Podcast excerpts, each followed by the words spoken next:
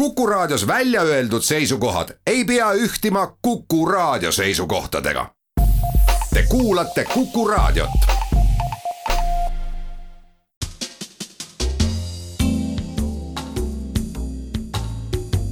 tarkade klubi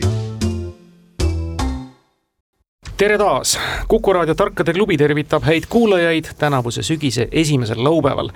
kui Mihklipäevani ehk suvesaagi lõpliku loenduseni on veel kukesammu jagu päevi minna ja päeval muide, kui Argentiinas tähistatakse leiutajate päeva. meil siin Tarkade klubi stuudiotes ei Tallinnas ega Tartus pole loendada peale mänguskoori suurt midagi ja tõtt-öelda ei tunne ka puudust millegi enama loendamisest. sügisesel ajal, kui tubas tegemist on niigi, tammetõrud ja kastanid tahavad sihtotstarbelist käsitlemist, nupud laudadel käimist ja teadmist teadmised väärilist publikut, kellele neid esitleda. seda kõike kombineerituna ja eraldi võetuna kindlasti saab ja seda viimast, eriti kui peame silmas varast pärastlõunat, kus nüüd ja praegu asume saatejuht, kui tähele panite, on taas kõnelemas mitmuses, ta teeb seda teadlikult, küll mitte parodeerides kedagi, kes juhtumisi Mustamäel neil päevil trepikodades ootamatu külaline ja valimiskampaania tegija, vaid seetõttu, et ta kõneleb mitmest isikust, headest Tarkade klubi külalistest, kes täna on taas jaotunud võrdselt Tallinna ja Tartu stuudiote vahel. me jätkame sama vahva neliku mängijatega, kelledest üks pool istumas Tallinnas, ehitus- ja kunstimeister Martti Suurorg. tervist! ja Vikipeedia administraator, auhinnatud ulmekirjanik ja meistrikandidaat Kabest Aivorist tere! ja meie Tartu stuudios tervitame taas tõlkijat, toimetajat ja Üdini kirjanduses olevat Tiina Randust. tervist! ja kujutavas liikuvas pildis Üdini sees olevat erudiiti Andres Keili. tere, tere! tore, et te olete meiega. kümme küsimust, millele täna vastata tuleb, on jaotunud järgmistesse teemadesse. geograafia, kultuur, loodus, teadus ja vaaria küsimuste autorid on taas Kivimäe kooli ajaloo ja ühiskonnaõpetuse õpetaja Margus Pillau, Ingliranna patrioot Enno Sivadi ja kuulaja varinimega Valeri Küpsis, tegelik isik toimetusele teada. alustame ja täna on avavaliku õigust Aival ja Martil Tallinnas. no võtame esimese looduse küsimuse. andidest pärit ja üle maailma laiali veetud loom ladinakeelses taksonoomias kui cavia porcellus omab nii eesti kui mitmes teises keeles eksitavat nimetust. millist? merisiga. Välk vastus, ma ei jõudnud välkvastust lõpunigi lugeda või küsimust, ütleme siis veel no juurde, ma olen merisiga ise küsinud mälumängus. Kaavia Portselluse nime all ja meil ei ole ta liitsõnaline, ei kuulu isegi sõraliste seltsi konkreetsesse perekonda, mida vastav nimetus väidab. nagu pole ka mingit otsest seost ka teatud geograafilise sfääriga, mis loomakesele on omistatud. ta kuulub tegelikult näriliste seltsi ja merega on tal seos ainult kaudne, neid veeti siis teatud perioodil Euroopasse merede tagant kuna meil on aega, siis ma räägin vahele, mida ma eh, siis eh, küsisin, kui ma selle kohta küsimuse tegin, et mm, missugune oli inkade põhiline lihaloom ja õige vastus merisiga näed sa, lisaväärtust tuleb veel küsimusele, kui palju juurde. Tiina Andres. no pakun sigadust ehk siis äh, ma pakun sellist sigadust, et võtta ära teine loodus. aga palun ja palun, palun. kuulaja Valeri Küpsis, nagu öeldud, tegelik nimi toimetusele teada. ei saa üks hea mälumäng kindlasti ilma linnu küsimuseta, nagu seda on kusagil juba mainitud. Austraalias elav linnuliik Strudhidea cinerea tuntud ka kui Austraalia hallhüppajad, on tegelikult kõige paremini tuntud nime järgi, mille on saanud oma kombe kohaselt lennata, elada ja toimetada karjas, mille suuruseks on täpselt kaksteist lindu. kuidas kutsutakse seda Austraalia endeemset linnuliiki? põhjusel, et ta on karjas alati kaheteistkümnekesi. Twelve. jaa, mingisugune tosina kaudu läheks selle nime. ta on endeemne linnuliik, Austraalia endeemsetest linnuliikidest, palun väga vabandust, minu teadmised puuduvad noh, peale nende, kes ei äh, lenda. kas see arvule viitav nimi peaks nüüd olema inglisekeelne? no seda meil ei ole öeldud. hallhüppaja. Grey jumper, Australian grey jumper. just nii. tõsin tõ,, tõ... mis on veel kaheteistkümne sünonüümideks, kas on? no kuradi tõsin on kolmteist. no see ei puutu asjasse praegu. oota, kaksteist on kell, oota, keskpäev kaksteist on keskpäev ja kesköö. Nuner, ei kipu sinnakanti. aga keskpäevalind? kõlab väga ilusti, aga ei viita ikkagi arvule, mul on tunne. no mis on veel kaksteist, kaksteist mida, kaksteist tundi? kaksteist sõrmik. kaksteist kaksteist tooli. kaksteist sõrm, kaksteist sõrmik tooli, kaksteist sõrmik soole rästas. see on, ausalt öeldes see kõlab nagu kui see... seda pole, siis ta peaks olema või siis noh, kõlab see nagu Kreisi raadio perekonnanimi. kuule, aga tõesti, aga äkki see, kas kesköölind või keskpäevalind, me ju ei tea.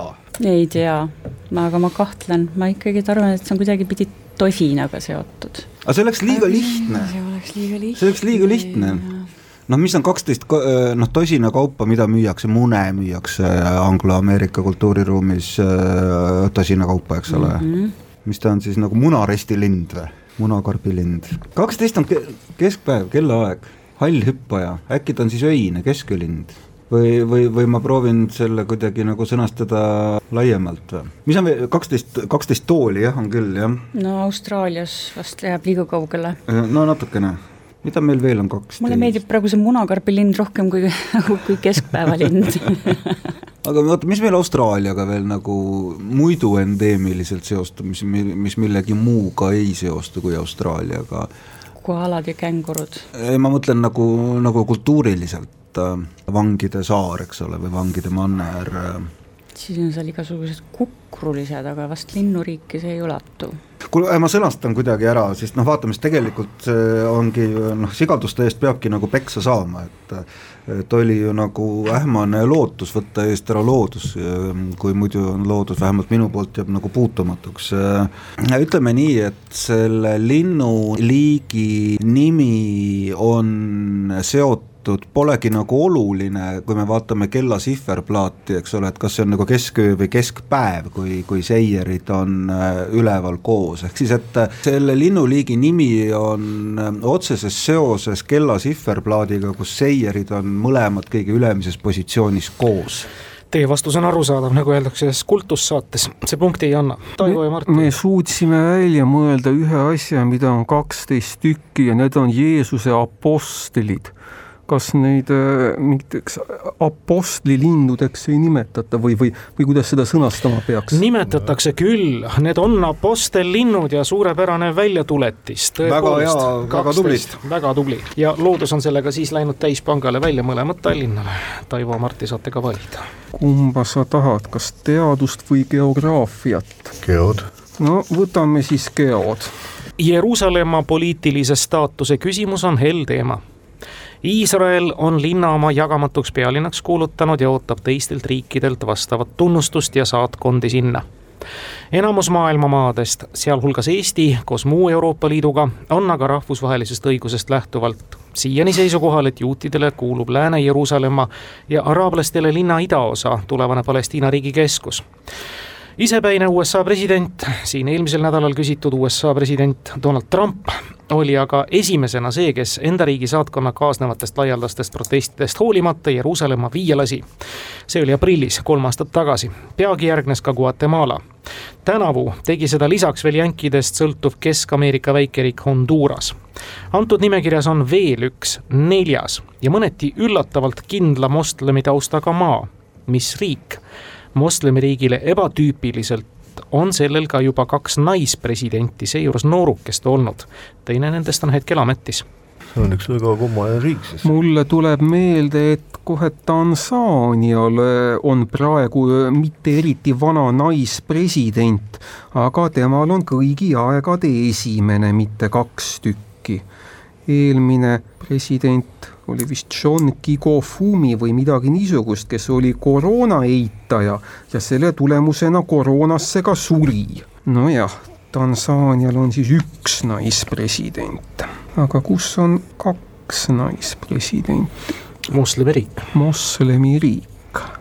Seal Aafrikast rohkem ei ole midagi võtta? ma ei tea, võib-olla oleks, aga oota-oota, see ei pea olema kas Malaisia kõlbab äkki või? see, see on vähemalt moslemiriik ja noh, ta on mõnevõrra liberaalsem ülejäänud moslemiriikidest. on sul andmeid presidentide kohta? tead, ega väga ei ole, aga no ta ei saa traditsiooniline riik olla, oota Aaf Aafrikast nagu kipuvad kõik ära kukkuma, seal ei ole neid naispresidente nii väga palju. oota, Pakistan. seal on mu meelest mees ikkagi. peaminister oli, on olnud või? seal peaminister oli Benazir Bhutto, aga tema on üks. Filipiinid. ahhaa no Filipiinid selles mõttes ta, ta ei ole ka päris moslemiriik, seal on ikka, see muidugi on moslemid, aga see jäme ots on justkui kristlaste käes olnud. Ferdinand ja Imelda Marcos ja minu meelest need on ikka rohkem kristlikud kui, kui moslemimaad. no see, et seal et suht nooruk, et see peaks olema siis alles hiljuti ka sinna võib-olla siis valitud mingid uued andmed või? see Malaisia sulle meeldib siis? jah, aga mõtleme veel, mis riike veel on? No endise Nõukogude Liidu riigid, need ei tule arvesse. seal ei ole kaht naispresidenti. Euroopas, oota, mis siin kas Euroopas on siis moslemiriike? seal mingi Jugoslaavia jäänukitest. Albaania Albaania? ei tea. Kosovo, see on moslemi või ei ole? vist on. Praegu on isegi haruldus seal, et Slovakkial ja kellel seal need esimesed naispresidendid. ei, Slovakkia pole moslemimaa. ei, ei, sellepärast ei saa, saaks nagu need Kosovot pakkuda mm,. jah, Kosovo ei ole kuigi kaua iseseisev olnud üldse. hea küll, pakume selle Malaisia ära. ei ole Malaisia ja Tiina Andres Tartus. minu mõte läks ka esimese hooga muidugi Aafrika peale, kas üks Kongodest, kas äkki Uganda, aga ehk ka võib, äh, üritan praegu välja nuputada, kas ehk mõni Vaikse ookeani väike saareriik võiks olla põhimõtteliselt moslemiriik, ei tule hetkel meelde, rohkem on nad muidugi kõik kristlikud sealkandis, aga kas meil võiks seal kuskil saarestikus seal ähm, Indoneesia kandis olla ehk mõni moslemiriigikene. aga Indoneesia ise sa väidad, et ei saa olla vist no,, see pole absoluutselt ei ole minu küsimus. aga seal nagu jah, Duerte ja, ja muud sellised tegelased ei ole nagu kuidagi naissoost. proovime mõelda sedapidi, et äh, et kes võiks nii rebel olla või mis, mis põhjus võiks olla üldse no mingi... tema põhjus peab siis olema selleks, et olla Ameerikaga heas suhetes, ma eeldan mm. -hmm kes võiks neist saada, see jällegi noh, noor naispresident. Äh, teine, mõlemad noorekesed, jah proovime siit, oota, noh mingit nagu loogikat tekitada, et miks peaks üldsegi olema moslemiriigil olnud läbi aegade kaks nooremat naispresidenti. see võib olla nagu vastukaal siis mingisugusele diktaatorlikule nagu juhile või? ei no just see, kui eelmine ära sureb ähm,. aga mis nende Rwandade ja Ugandade ja nendega üldse on, kas Rwanda näiteks on moslemiriik üldse? Rwanda peaks, Rwanda on kristlik no mulle ka tundub jah, no Egiptuses ka ei ole ju, eks ole, nai-, noort naispresidenti. kindlasti mitte. hakkame, kui me hakkame Põhja-Aafrikat mööda minema, eks noh, Tuneesia. aga võtame Alžeeria. näiteks Senegal. Must-Aafrika on täiesti must maa minu jaoks uh,. Libeeria, Libeeria muidu väga Ameerika huviline ja Ameerika sõbralik, ma mõtlen, kas seal võiks, kas see on moslemiriik, pigem ei ole, see on ka ikka kristlik. Togo ja Benin, üks neist oli minu meelest moslemiriik. Benin mm. ma on moslemiriik. mis meil seal siis veel on? Nauru. Nauru on kristlik, nii paljukest kui teda no, kui selle auku, augu kõrval järgi on põhimõtteliselt Okeaania või Aafrika, no, ta... ma sinna Af Euroopa kahte riiki ei võtaks, ei ole kuulnud naispresidentidest mina kuskil mujal praegu, ma arvan, et see ikkagi on Aafrika. ei no, noh teistpidi on see, et noh, mingi loogika ütleb, et see peab olema umbes sama sõltumatu nagu Mongoolia, et temast ei sõltu ikka absoluutselt mitte midagi. see käib paljude Aafrika riikide kohta, aga Djibouti, Eritrea, niisugused kohad? Need on kahtlemata moslemiriigid, aga ma ei ole kuulnud, et nad oleksid väga Ameerika sõbralikud selles osas ja ma ei näe muud põhjust, miks nad peaksid äh, ju Jeruusalemma kuulutama nagu juudi riigi omaks. oota, Honduras ja Guatemala, Guatemala, jah. mis on seda noh, ilmselgelt pugemise eesmärgil seda teinud aga ei ole sealkandis ju rohkem moslemiriike meil, ei ole meil ka Kariibide kandis moslemiriike aga Aasia, Mandri-Aasia. Mandri-Aasias ei tea mina, et tuleks meil naispresident. mis meil seal on, noh, Bangladesh on, aga see, vot see ei olnud ka moslem, et. ma ei tea, ütle midagi, ütleme, põhimõtteliselt me hakkame nagu vaikselt nagu ÜRO äh, nimekirjaga nagu enam-vähem lõpule, lõpule jõudma aga ei paista ühtegi nagu valguse kiirt tunneli otsas no ütleme Kongo Demokraatlik Vabariik. ei ole Kongo Demokraatlik Vabariik ka. see pole ju moslemimaa. aga Malaisia ei olnud ka presidentaalne. Malaisias on jah kuningas, aga kokkuvõttes jäi see küsimus ik ikkagi jäi lauda, sest see riik, keda me küsisime, oli ikka Kosovo. seal on naispresidendid mm. Atifete Yahyaga olnud ja Vjosa Osmani, kes vanuse tõttu näiteks Eesti riigipeaks poleks saanud, Yahyaga oli ametisse asudes kolmekümne viiene ja praegune Osmani on siis vastavalt kolmekümne kaheksane saatkonnaga Jeruusalemmas.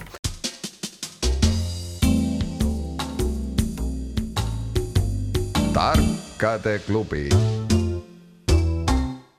seisult kaks Tallinn, Tartu veel skoor avamata, jätkame ja Tiina Andres, te saate valida. noh, Tiina, kas, kas teadus või kultuur?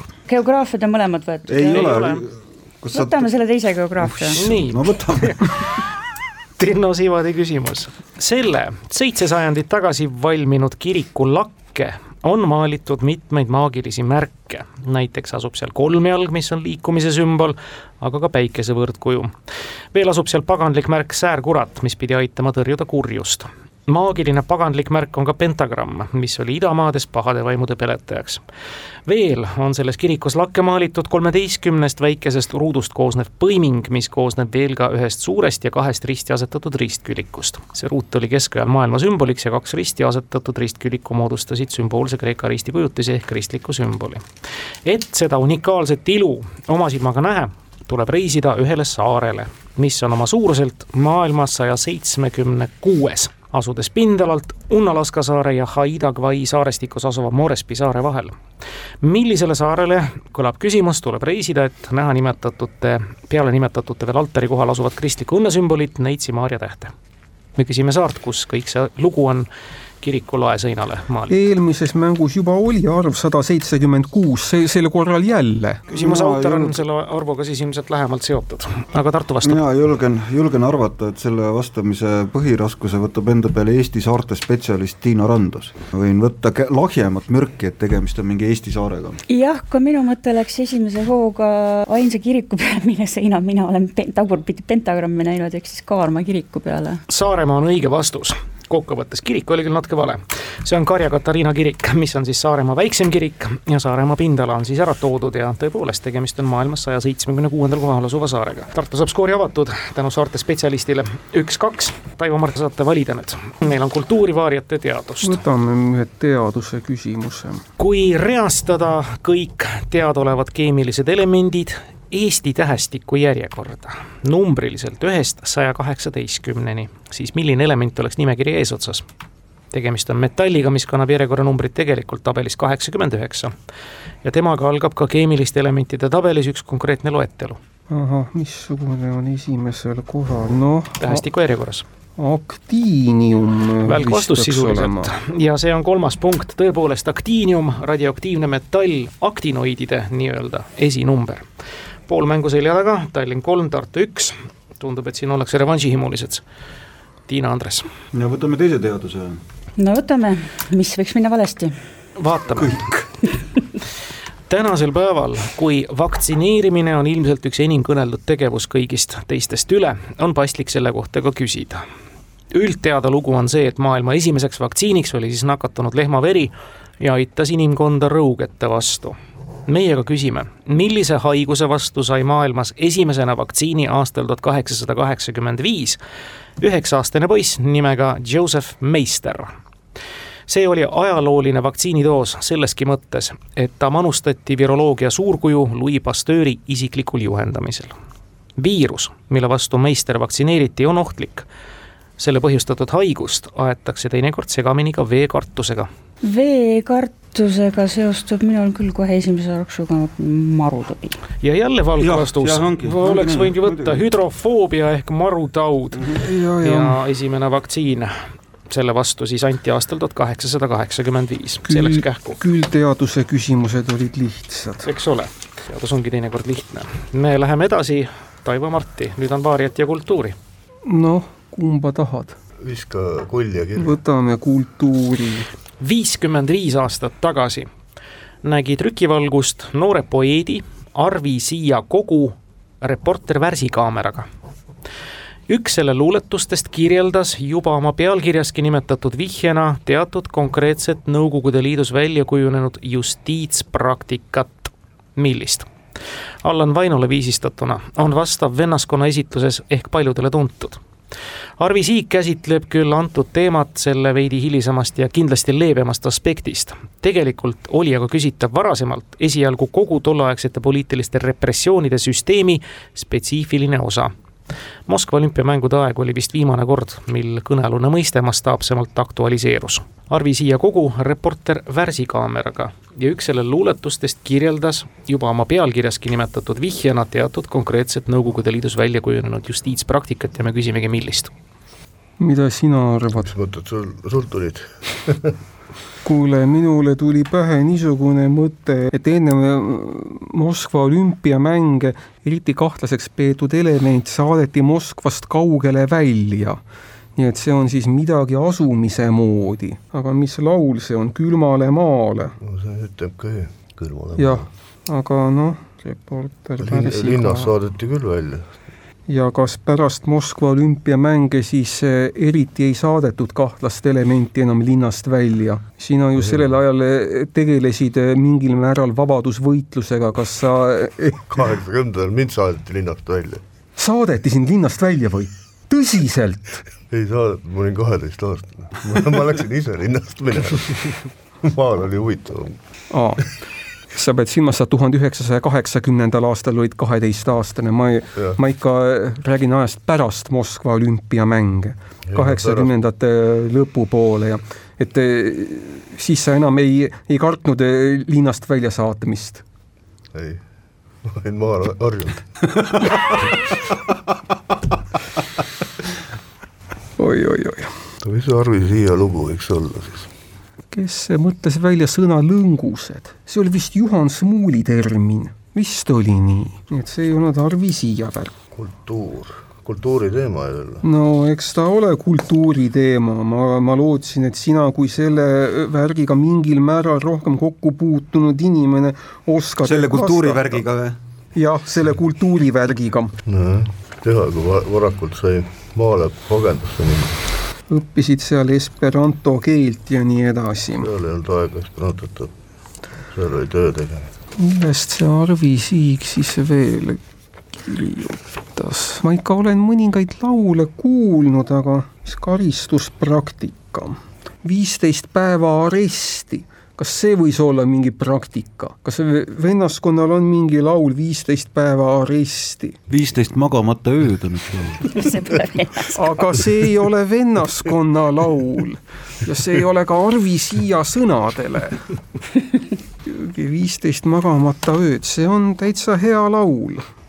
noh, seal ikka, vahepeal ikka läheb sõba sõba silmale, jah kas sul on mingisuguseid ideid veel või, või ma vormistan siis vastuse ära? vormista siis, mul ei tule, mul ei tule kuskilt. noh, ma, ma pakun, et tegemist on äh, praktikaga äh, kahtlase moraalse palgega inimesed suurtest linnadest välja saata. kuulame Andres ja Tiina teid. küüditama mina oleks pakkunud selle viieteist päeva asemel äh, veits pikemat, et nõukogudeaegne justiitspraktika nägi ette ikka nagu kakskümmend viis pluss viis vastame seda või? ei, ei mulle tu-, ei aga noh, linnadest väljasaatmine on ju küüditamine, justiitspraktika on küüditamine, julgen ma arvata. jäta sinna. no jääme jah. Kuulame korra laulu ja siis ma teen otsuse minema veeti ning last saabunud tööjõu jaotuseks saja esimesel kilomeetril. kui sada kilti oli see sada üks kilomeetrit ja kumbki saab pool punkti, sest et mõte oli õige mm. -hmm. tegelikult oli tolle luuletuse nimetus siis saja esimene kilomeeter esialgu poliitiliste repressioonide ohvrite pereliikmetele või karistuse kandmise järel paljudele vabanenutele seatud tingimused Moskvale, Leningradile, liiduvabariikide pealinnadele ja muudele Nõukogude Liidu võimule olulistele keskustele ei tohi nad lähemale kui sada kilomeetrit elada. hiljem, nii nagu ka mainitud ja vennaskonna esituses äsja öeldud laulus hakati vastavat sätet enam ulmelises tähenduses kahtlase või ebakindla elemendi suhtes rakendama, näiteks niinimetatud madaldunud sotsiaalse vastutustundega naised, täpselt nõnda nagu ka siia luuletuses. vaaria või kultuur? Ma arvan, et kultuur no., mis sa arvad? nii. proovime kultuuri. Läheb kultuur. Neil hetkel, kui see saade on eetris, peaks plaanide kohaselt teel Läänemerele parvlaeva Estonia hukupaika olema uurimislaev Sentinel. pardal siis ekspeditsioon, kelle tegemistest ja motiividest on piisavalt kõneldud ja kirjutatud. see sünnib niisiis aastal kaks tuhat kakskümmend üks. Sentinel oli pealkirjaks ka aastal tuhat üheksasada viiskümmend üks trükivalgust näinud Arthur C Clarke'i jutustusele, millest paarkümmend aastat hiljem, tuhat üheksasada seitsekümmend üks, valmis menukas ulmefilm ja me küsime, milline film? no see on nüüd puhtalt sinu küsimus. jah mitte sinu. vot nüüd jälle, kui teaks, kohe ütleks mm. -hmm. Oh, oh, oh. Sentinel on siis täna Estonia hukupaigal aastal kaks tuhat kakskümmend üks Clark kirjutas aastal tuhat üheksasada viiskümmend üks, film valmis aastal seitsekümmend üks. ulmefilm seitsekümmend üks, kui ta on Clark ja on seitsekümmend üks, siis ta on tõenäoliselt kõigile teadaolev mm. -hmm. aga mis? noh, kosmoseodüsseia. no hakkame välistama kellaväär, see Clockwork Orange, see ei ole, see no see ei ole Clark. jah, see ei ole Clark, eks aga sa mõtled mööda filme käia sedapidi? aa, no lase käia, ma ütlen, kui on Clark Dune, see ei ole. see ei klapi Sentinelli selles, no ma ei ole kas see on Dune, on Dune, eks ole, no mis see ühesõnaga, see filmi pealkiri ei ole Sentinel. ei ole, ma ei ole seda õnnetuseks lugenud ka seda Sentinelli, et praegu no sa oled kõike lugenud. mis ta siis tähendab, niisugune valvesõdur. piinlik. noh, suured ulmefilmid äh, mul on ka piinlik, noh äh,, Clark, ta muidugi ju kirjutas ka ikkagi noh, nagu hoogsalt ja jõuliselt ja palju. film, no ütle nüüd filme, sina tead filme, mina ei tea filmidest üldse. no me ka seitsmekümnendate ulmefilmid ausalt öeldes ei ole ka mitte minu nagu see kõige noh, nagu ekspertala. ainuke asi, mis mul pähe tuli, oli praegu Barbarella Barbarella, mis asi see on? sellest räägime pärast saadet. selge aga no Jeesus, kosmoseodüsseia, no see ei ole Clark ju. kas polnud, nüüd mul läheb asi päris käest ära, kes ta oli siis? no aga äkki on? On küll, on küll, see on kaks tuhat üks kosmoseodüsseia, küsimuse autor ja. küll rõhus siin aastaarvudele, kui tähele panite, ja lõpule üks ja katsus sealtkaudu teile vihjeid anda. raamat viiskümmend üks, film seitsekümmend üks ja Sentinel täna kaks tuhat kakskümmend üks, te saate punkti. ma soovitan ka Barbarellat vaadata, see on hea film. väga hea, ulmekirjanik soovitab ulmefilmi.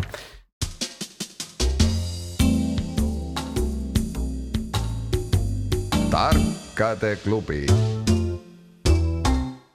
nii, kaks küsimust on lõpuni minna, mõlemad vaariad ja esimest vaariat saavad kuulda Martti Taivo. keltide iidse, kuid tänapäevaks hääbunud hõimu Kornide maal Cornwallis, Falmouthi linnas toimus tänavu üheteistkümnendast kolmeteistkümnenda juunini midagi, millega analoogiline sündmus tuhande üheksasaja kaheksakümne kuuendal aastal, üheteistkümnendal, kaheteistkümnendal oktoobril Islandi pealinnas Reykjavikis aset leidis. Taolisi sündmusi või üritusi leiab tegelikult regulaarselt ja tihti aset, aga kaks äsja nimetatud on nende hulgas sellised, millega ka Eesti konkreetsel erilisel viisil on seotud olnud. mille kohta me küsime ja tahame, et nii mainitud sündmused kui ka Eestiga puutumuse mõlemad sõnastaksite. Cornwallis tänavu üksteist kuni kolmteist juuni ja Reykjavik kaheksakümmend kuus aasta üksteist, kaksteist oktoober, Eestiga on puutumus. üksteist, kaksteist oktoober kaheksakümmend kuus. jah, mis sündmus ja mis on siis Eesti puutumus? Reykjavikis kaheksakümne kuuendal aastal minu mäletamist mööda äh, toimus äh, Gorbatšovi ja Reagani vaheline tippkohtumine. kuupäev oli ka sama? Äh, kuupäevas ma ei ole kindel, aga kaheksakümne kuuendal aastal vist oli. nii, ja Falmouth siis toimus üheteistkümnendast kolmeteistkümnenda juunini tänavu analoogiline sündmus hmm mingisugune pingelõdvenduse alane tippkohtumine, aga, aga oota, see võib ju olla tuumarelvastuse vähendamise teemaline tippkohtumine ei tea, kas ta ikka oli nüüd tippkohtumine. Eesti on. Eestiga oli konkreetne puutumus ja me küsime ka selle kohta. oota, seal oli see laev oli ju Eesti oma, Georg Ots või? Ahhaa, võis Reiki olla laev. ja kas nüüd ei olnud mingi Tallingi laev? ja siit tuli vastus ära põhimõtteliselt, kõlas kõik, mis vaja selle küsimuse seisukohal. tippkohtumised ja nendega seotud maailmaliidrite võõrustamine. kaheksakümne kuuendal aastal Mihhail Gorbatšovi peatuspaik Ronald Reaganiga summiti ajal Reykjavikis oli siis Tallinnas spetsiaalselt sinna seilanud Nõukogude Eesti merelaevanduse kuulus alus Georg Ots. ja tänavu G7 liidrite Cornwalli kokkusaamisega seotud isikute, põhiliselt turvajatest Briti politseinike samadel asjaoludel majutamine oli siis Tallinnas Tallinki Silja Euroopal. meil on üks küsimus veel minna, mulle tundub, et Tallinna võistkond on täna võtnud revanši läinud laupäeva eest juba vist, aga veel mitte, meil on siin viigivõimalus õhus. ja küsimus, tänase mängu viimane, kõlab esmalt teile. seitseteist luksuslikku numbrituba, gurmeerestoran, looduskaunis ajalooline ümbrus, kõike seda pakub igale soovijale lõppenud suvest alates Schloss Fellin Viktor Siilatsi tohutu hingejõu ja lisaks muidugi rohke rahaga taastatud ürgses rütmis kulgeva maakonna südames paiknev uhke mõis. kuid aitab nüüd reklaamist, me tahame teada, millise nimega tänaval täpsemalt puiesteel hoone numbriga neli too kirjeldatud renoveeritud arhitektuuripärl asub tegemist on ühe tuntud Eesti kirjandustegelase nimega, täpsemalt hüüdnimega kui viimased Eestisse jäänud endised peremehed Unger Sternbergid tuhande üheksasaja kolmekümnendate keskel uuest sellal pandud tänavanimest nende pikaaegse valduse juures kuulsid, siis vaevalt, et see neid rõõmustas. pigem šokeeris. mõisas hiljem tegutsenud NKVD-lased, KGB-lased ja miilitsad võisid endaga küsitavaga teatud mõttes ehk isegi samastada. Analoogiline puiestee muide on ka Lasnamäe linnaosas Tallinnas. ehk siis lihtne küsimus, millisel puiesteel paikneb Schloss Fellin, mis nagu nimetus viitab, on Viljandis kas Lasnamäel on puiesteed? no, no ma arvan, et see on mingi uus Lasnamäe, millest äh, me ei tea. jah, seal midagi. kuskil karjääri juures on tõesti terve uus linn. jah, ohohoo äh.... kirjandustegelane, kes ei oleks meeldinud Ungern Sternbergidele, aga meeldiks mentidele või samastuks, samastuks mingis mõttes NKVD-lased, KGB-lased ja miilitsad, punase, punane või pu- mm,. Mm, mm. Kingissepp, Lauristin, Anvelt. ei no kirjandustegelane, Il-, väikese Illimari, Illu. tähendab, kas ta on kirjandustegelane või ta on nagu tuntud kirjandustegelase hüüdnimi? kirjandustegelase hüüdnimi tähendab, kas kirjandustegelane selles mõttes, et ta on nagu kirjandusega tegelev inimene? ei, ei, ei, ta on fiktiivne tegelane, fiktiivne. tegelane Aa, raamatust, tegelane raamatust. Mhm. kes see, mis mind huvitab, see Ungar Sternbergi, Sternbergi viide praegu, mis neile poleks meeldinud? ei no see on mingi, ma arvan, et see on a la Mats, eks ole. ei meeldinud Ungar Sternbergidele, ei meeldinud Tongrid ja ei meeldinud Randrüütlid aga kes neile veel ei meeldinud? ei, ma arvan, et see, ma arvan, et sa mõtled üle, ma arvan, et see on see, et ma arvan, see viide on sellele, et kui Ungern Sternbergid olid aadlikud, eks ole, siis nüüd on nüüd on matsid või oota, aga kas Ungern Stern miks siis Urg-, mis, miks just, aa see loss oli nende, või see šloss oli? ja, ja, ja mm, -hmm et neile nagu ei oleks sobinud see, et, et tänava nimi on siis nüüd selline no aga Matsi puiestee. ei no ma mõtlesin nagu suunda, eks ole, mitte nagu konkreetselt Mats. kirjandustegelase hüüdnimi, Geo Jaan, Kihnu õnn. hüüdnimi, kirjandustegelase hüüdnimi, ühesõnaga kirjandustegelane, kellel on nimi, aga teda kutsutakse kirjandusteoses hüüdnimega, neid ei saa nagu väga palju olla. aga kus see Viljandis on üldse, noh Viljandit ju võiks ju nagu natuke tunda ka. mul on need vihjed praegu kõik nagu puderakapsad, mis see Siilats üldse see Viljandis teeb ja see peaks üldse no nagu Siilats on teinud kokku, teinud äh, Fellini lossi Viljandis millest ma ei tea mitte midagi, et ta seda teinud oleks. viimane asi, mis ma tean, mis Viljandis korda tehti, on see Ormissoni hotell, kus äh,, kuule, aga kas see ongi äkki? äkki on, aga Ormisson, mis, mis see ah, Ormisson Felix Ormisson, oota-oota, aga Ormissoni hotell peaks siis Felix Ormisson siis Douglas ju, on ju? see viide natuke sassi, kas Ormisson polnud nagu mitte ise kirjanik? ei, Felix Ormisson on ikkagi nagu tegi-, oota äh,, nii nüüd on see, et, et on küll keskpäevane aeg, aga praegu, oot, nüüd jook-, praegu jooksis kokku. ma arvan, et ma räägin õigest asjast, et see on see seitseteist luksuslikku numbritube gurmeerestoran ja, ja, ja, ja see on see Ormissoni hotell, millest me räägime. nii, aga mis tegelasest me siis nüüd räägime, ses mõttes, et mul on hetkel peas nagu plahvatus. kirjandustegelase hüüdnimi. no ütle nüüd mõni võimalik teos, mida me võiksime kahtlustada siinkohal no me võiksime kahtlustada väikest, aga kas väikse Lillimaril oli hüüdnimi Illu või? või no miks peaks Illu puiestee olema? aga äkki on väikse Illimari puiestee? aga hüüdnimi? no oligi tema hüüdnimi Väike Illimar. et nagu see väike oli seal ees, oli hüüdnimeks, et muidu on ta Illimar, aga siis kutsuti Väike Illimariks, väikseks Illimariks. no oletame, kui see ei ole ühesõnaga me oleme nagu jube lähedal, aga me teeme seda maja ja selle nimi on Ormissoni hotell ja, ja, ja restoran ja kohvik, kus on Eesti kõige paremad äh, Napoleoni koogid.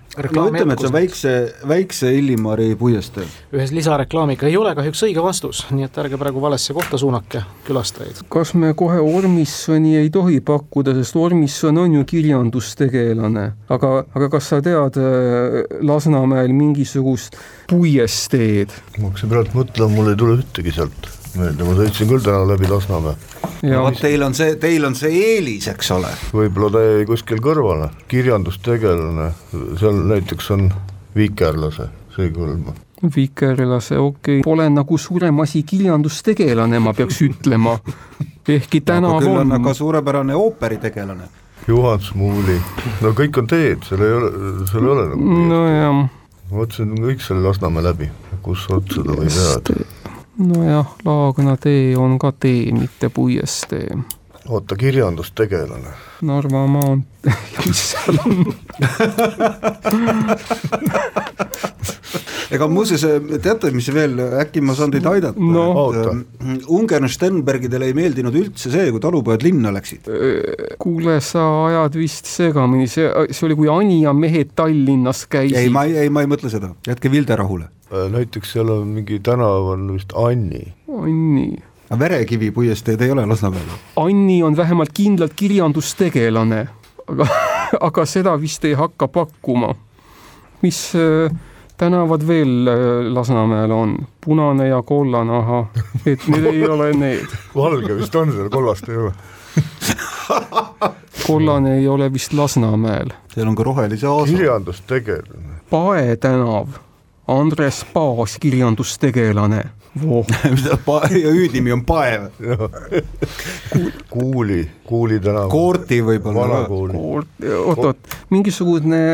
Koorti on. mingisugune Poja tänav oli, mingi Kalevi, Kalevipoja tänav. oota, Kalev, see on ju kirjandustegelane. justkui oleks et sa-, samastavad ennast Kalevipojaga, niimoodi või? ja Ungari Sternbergidele Kalevipoeg ei meeldi ja üksiti ka väikese Illimariga kagepiigid samastavad ennast, sellega mul täitsa meelest ära. jah, ega Pavlikuma roosa või? Mahtra. ei ole halb pakkumine. hüüdnimi. aga Mahtra puiesteed siiski ei tea. Kärberi. Kärber on revolutsionäär, see ei, see oli päriselt eksisteerinud isik no ja nõukogude ajal oli seal veel terve kari eh, revolutsionääre ja eh, kindraleid kas seal mingit Merepiiga tänavat ei ole seal Lasnamäe põhjaosas? Viljandis usutavasti siiski mitte. Viljandis ei ole Merepiiga tänavat. oota, ikkagi nad peavad mõlemad ju mõlemas linnas olema. Õnne. Õnne tänavat, Lasnamäel ei ole ju õnne eks õnn tuleb sinna õuele ka millalgi. Lasnamäel pole ka õuesid. no kus see puiestee seal siis on, seal peavad puud olema no puud on istutatud, okei okay., puusid seal vähemalt leidub mõningaid. Tondiraba, Tondiraba tänav on seal olemas no,. aga, aga Viljandis ei ole raba, Viljandis ei järv ole on, raba. järv on seal, oota see Lasnamäe on nüüd kõik praktiliselt läbi võetud, liikuri kagepiidid samastavad end liikuriga see on väga huvitav. huvitav oleks ka muidugi mõelda välja Eesti kirjandustegelane, kelle hüüdnimi on Liikur, Nipernaadi või? mingi tööstusrajoon, seal on vist paneeli ja gaasi ja ahhaa, see on see, mis jääb Peterburi maanteest lõuna poole. jah, Valukoja ja muud niisugused. Vesse. Vesse.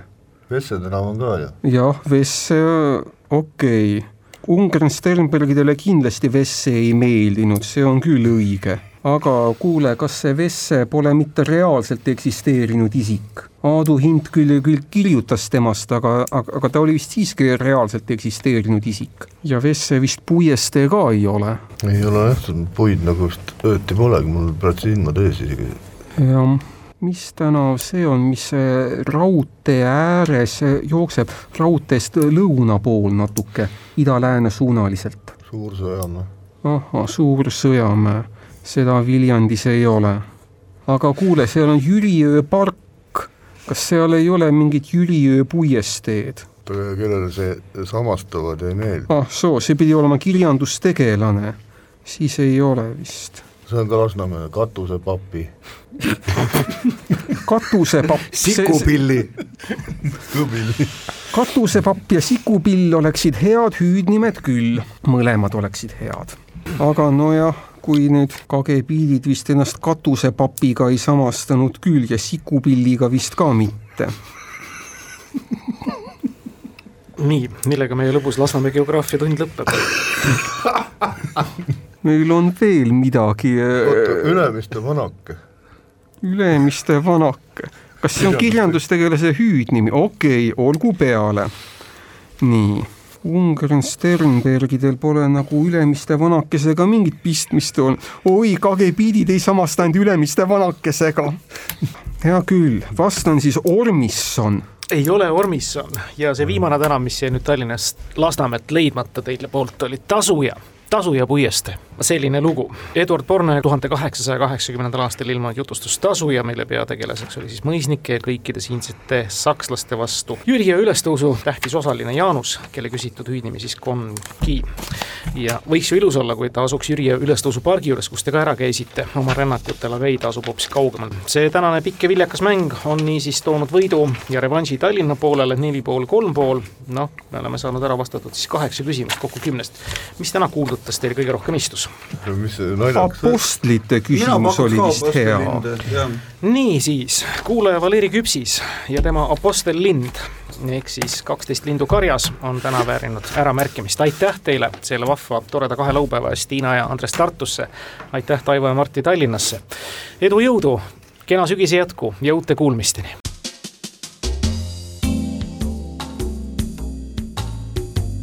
tarkade klubi